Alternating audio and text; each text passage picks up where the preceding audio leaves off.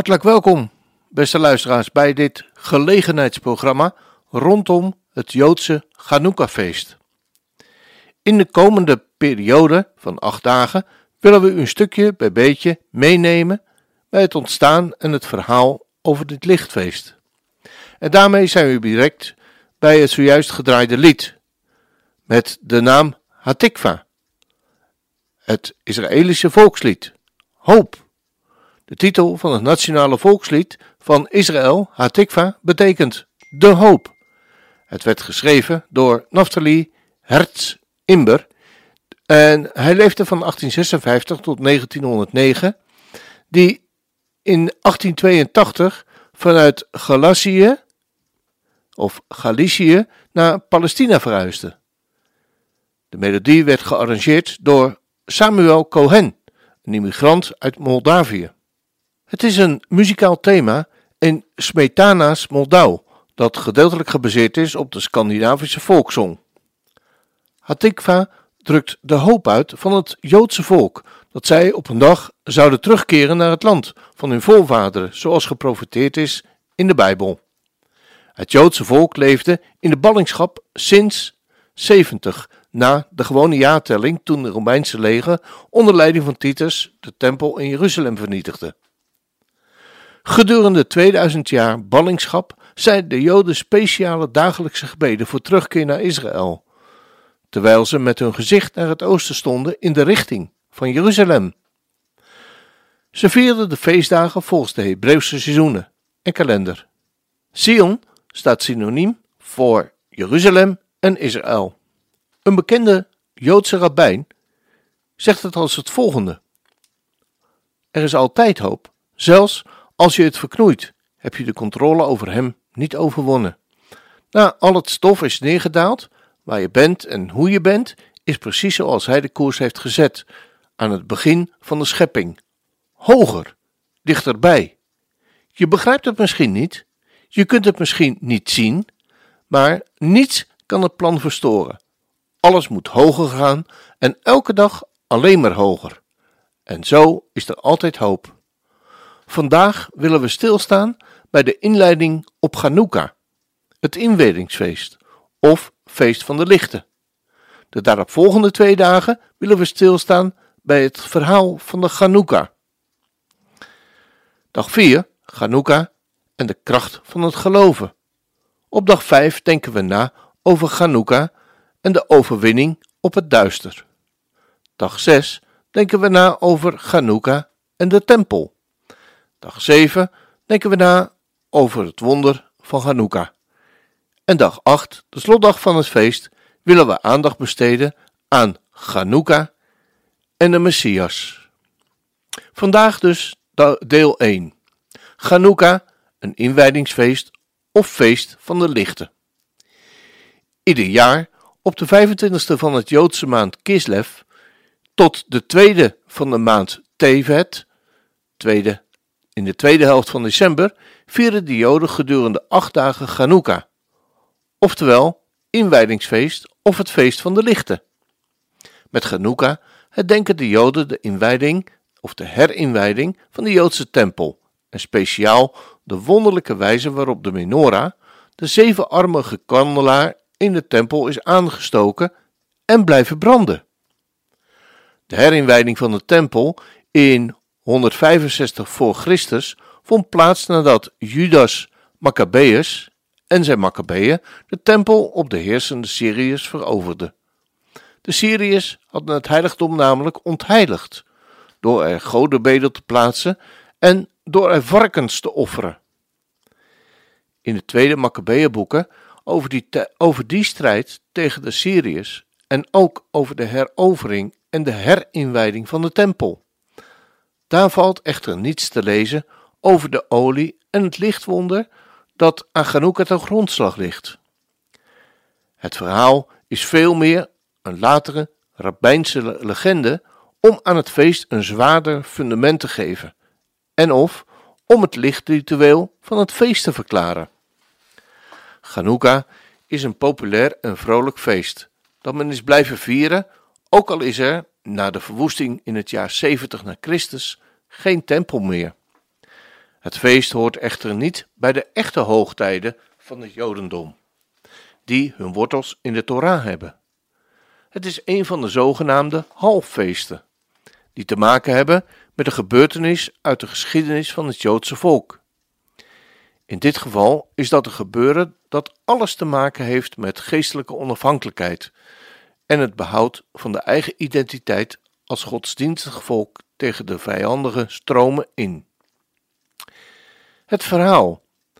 Antiochus IV, Epaphranius, de koning van Assyrië, heeft de Joden verslagen. Hij is een heel vreed heerser. Hij staat bekend als iemand die van alles doet als het maar Grieks is. Hij verlangt dan ook van de Joden dat ze zich aanpassen aan de Griekse gewoontes. De Joden echter weigeren dat, waar ze ook maar kunnen. Maar de koning wil de Joden koste wat kost dwingen zijn wet te gehoorzamen. Daarom vaardigt de koning een nieuw besluit uit. Vanaf dat moment is het de Joden verboden uit de Joodse heilige boeken te lezen. De koning verbiedt hen om hun God te aanbidden. En hij verbiedt hen ook om de feesten en de Shabbat te vieren. En om de voorschriften van hun godsdiensten na te leven. Soldaten moeten controleren of de Joden dit besluit van de koning gehoorzamen. En ze moeten ook Griekse altaren bouwen op de meest heilige plaats van de, van de Joden, de Tempel van Jeruzalem. De bedoeling is de Joden zo weinig zo mogelijk te dwingen om onreine dieren te offeren aan de Griekse god Zeus. Syrische boodschappers trekken door het land om de Joden op de hoogte te brengen van het nieuwe besluit. Als priester Mattathias en zijn vijf zonen van het nieuwe besluit horen, besluiten zij dat er iets moet gebeuren. Ze vluchten de heuvels in. Daar brengen ze onder leiding van Judas, Maccabeus, een van de vijf zonen, een klein legertje bij elkaar om te vechten voor de vrijheid van hun volk. Ze worden bekend als de Maccabeeën. Drie jaar lang vechten Judas en de Maccabeeën tegen de Syriërs. Dan, na drie jaar, op de 25e van de maand Kislev, slagen ze er eindelijk in de Syriërs te verslaan. Opnieuw zijn ze dan vrij. De Maccabeeën haasten zich naar hun heilige tempel in Jeruzalem. Ze halen er de Griekse altaren weg en alle onreine offerdieren. Maar de menorah, de zevenarmige kandelaar die in de tempel altijd brandde, is gedoofd. Ze zoeken of ze de speciale zuivere olie kunnen vinden die nodig is om de menorah te laten branden. Maar als ze zulke nieuwe olie moeten maken, dan kost dat hen acht dagen. Maar hoe ze ook zoeken, alles wat ze vinden is slechts één met het zegel van de hoge priester verzegeld kruikje, met maar net genoeg speciale zuivere olie om de menorah één dag te laten branden. Toch steken de Maccabeeën de menorah aan. En ze zeggen een speciaal gebed. Zo bedanken ze God dat Hij hen geleid heeft naar het moment dat ze nu weer vrij zijn. En dan gebeurt er, volgens de legende, een groot wonder. De olie in het kruikje, dat maar net genoeg is om de menorah één dag te laten branden, blijkt voldoende te zijn om de menorah acht volle dagen te laten branden. Net zo lang als ze nodig hebben om nieuwe, speciale, zuivere olie voor de kandelaar te maken. Vanaf dat moment, in het jaar 165 voor Christus, vieren de Joden elk jaar vanaf de 25ste dag van de maand Kislev acht dagen lang Chanukka, of het feest van de lichten, om het wonder van de olie bij de herinwijding van de tempel te herdenken. Chanukka heet ook wel het inwijdingsfeest. Deze naam heeft te maken met de gebeurtenissen die ermee herdacht worden. De hernieuwde inwijding van de tempel van Jeruzalem door Juda Maccabeus in het jaar 165 voor Christus. Drie jaar nadat hij door de Syriërs is ingewijd, door de plaatsing van de Griekse altaren en afgodenbeelden en door het offeren van onreine dieren. En die drie jaren zijn tegelijk jaren van verzet tegen de pogingen van de Joden hun godsdienstige eenheid of eigenheid en cultuur af te nemen door hen zich te laten aanpassen aan de Griekse gewoontes van de heersers. Daarnaast wordt Chanukka ook wel het feest van de lichten genoemd. Deze tweede benaming dankt het aan zijn voornaamste kenmerk, namelijk het aansteken van de acht lichten, olielampjes of kaarsen, op even zoveel achtereenvolgende dagen. Dit ritueel steunt op een rabbijnse legende van het wonder van het kruikje.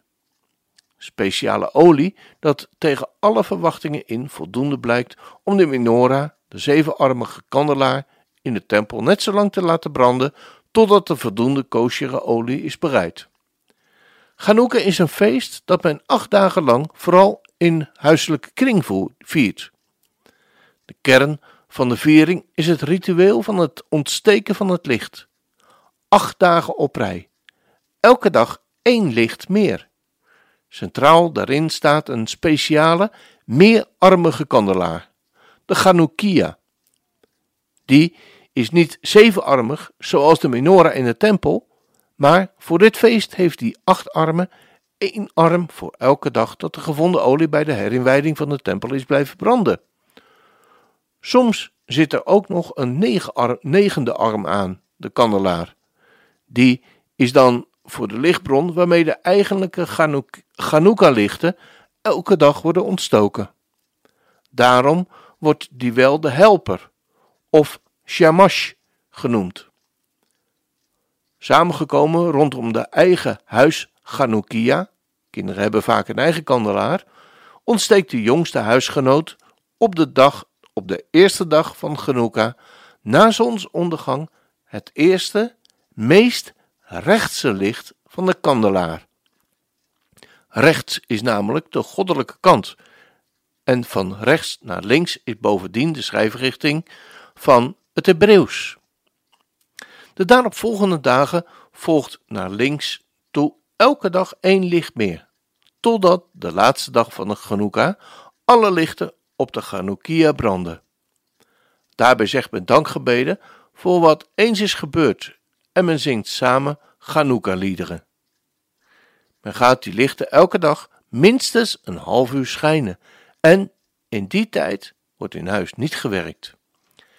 Na het aansteken van de lichten krijgt de Chanukkia een plek waar iedereen binnen en buiten de lichten kan zien, voor het raam en of in de buurt van de deur. Iedereen zal weten dat men, dat men herinnert en het denkt. Aanvankelijk is Chanukka een sober feest, maar door de tijd is het een vrolijk familiefeest geworden. Kinderen zijn een speciale plaats gaan innemen. Zo is Chanukka een feest geworden waarop kinderen cadeautjes krijgen. Elke dag van het feest één telkens iets groter en duurder, met op de achtste dag natuurlijk het cadeau. Ook worden er spelletjes gespeeld, hetgeen verband zou houden met het verbod in huis te werken tijdens het branden van de Chanukka-lichten. Een typisch Chanukka-spel is het spel met een speciaal tolletje, de dreidel genaamd. En zoals bij veel feesten, Joodse feesten, horen er ook bij Chanukka bijzondere gerechten. Het zijn gerechten die, helemaal in de lijn van de oorsprong van Chanukka, gebakken zijn in olie. Echte traditionele gerechten zijn latkes of liviot, een soort aardappelkoeken, of suganiot, het vruchtengelei gevulde oliebollen. Volgens sommigen is het toeval, anderen zien weer directe verbanden. De dagen zijn namelijk het jaarlijkse dagen van Chanukka, 25 Kislev tot 2 Tevet, zijn in onze kalender te vinden in de maand december en meer in het bijzonder in de buurt van de jaarlijkse winterzonnewende. Daarmee is het feest van de lichten gesitueerd in een jaartijd waarin op allerlei plekken in de wereld mensen van oudsher verschillende lichtfeesten vieren. Ze geven daarmee allemaal uitdrukking aan hun overtuiging dat de donkere tijden van het moment niet het definitieve einde van het leven betekenen. Niet zelden zijn die feesten in hun vormgeving op elkaar van invloed geweest. viering in de beslotenheid van de huiselijke kring, het aansteken van lichtjes, het zingen van liedjes, het geven van cadeautjes, het eten van bijzondere gerechten, zoals oliebollen. Ook aan Chanukka is dit blijkbaar niet ontgaan. Tot zover de eerste aflevering van deze achtdelige serie over het Chanukka-feest. Morgen hopen we op dezelfde tijd de tweede Chanukka-uitzending te hebben. Als afsluiting van deze uitzending gaan we luisteren naar het lied O Chanukka, O Chanukka. De vertaling luidt ongeveer als volgt: Chanukka, O Chanukka, kom de menorah aan. Verzamel rond de tafel en laten we iets lekkers hebben. Blije liedjes die we zullen zingen. En latkes die we zullen eten. En terwijl we zingen, de kaarsen branden helder. Eén voor elke nacht. Ze werpen een zoet licht en herinneren ons aan dagen lang geleden. O Chanukka, o Chanukka, een feest van vreugde, een vakantie, een vrolijke dag. Voor elk meisje en elke jongen. Verzamel rond de tafel en laten we iets lekkers hebben. Blije liedjes die we zullen zingen en latkes die we zullen eten. En terwijl we zingen, zullen we lang geleden aan de dagen denken. En dan zullen we het verhaal vertellen van de wonderen. Glorie! En dansen bij de kaarsen die laag branden.